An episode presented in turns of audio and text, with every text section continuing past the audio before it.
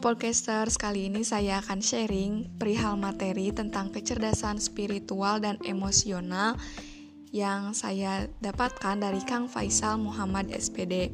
Isi materinya adalah dalam mengartikan kata atau kalimat yaitu dengan dua cara.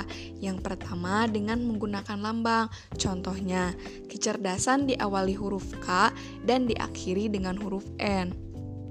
Yang kedua yaitu dengan makna. Contohnya, kecerdasan merupakan kemampuan seseorang untuk memecahkan masalah.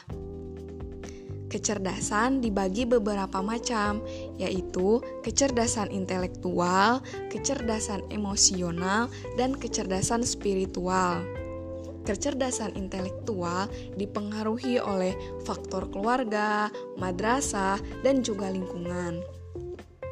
Lalu, kecerdasan emosional memiliki beberapa wilayah kecerdasan emosi, yaitu merasakan, memahami, menyampaikan, dan mengelola. Faktor yang mempengaruhi kecerdasan emosional yaitu faktor internal, faktor keluarga, sekolah, lingkungan masyarakat. Kecerdasan spiritual sering diartikan oleh ilmuwan Gadspat, yaitu sebagai titik Tuhan.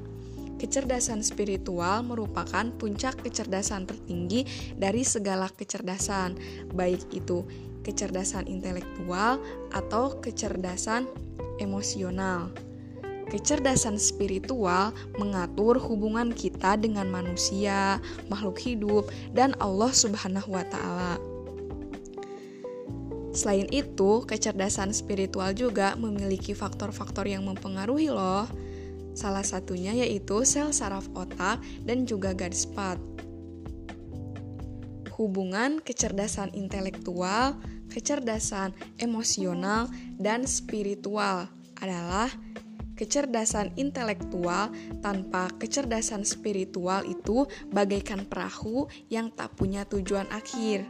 Sedangkan kecerdasan emosional tanpa kecerdasan spiritual itu bagaikan memasukkan uang ke dalam saku yang bolong.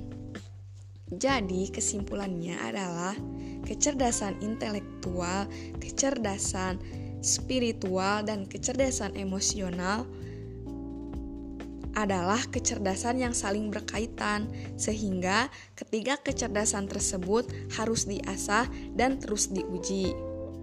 Dengan cara misalkan terjun ke lingkungan masyarakat, ke lingkungan sekolah, dan juga lingkungan keluarga. Oh ya, di antara kecerdasan intelektual, kecerdasan emosional, dan kecerdasan spiritual yang memiliki puncak kecerdasan tertinggi yaitu kecerdasan spiritual.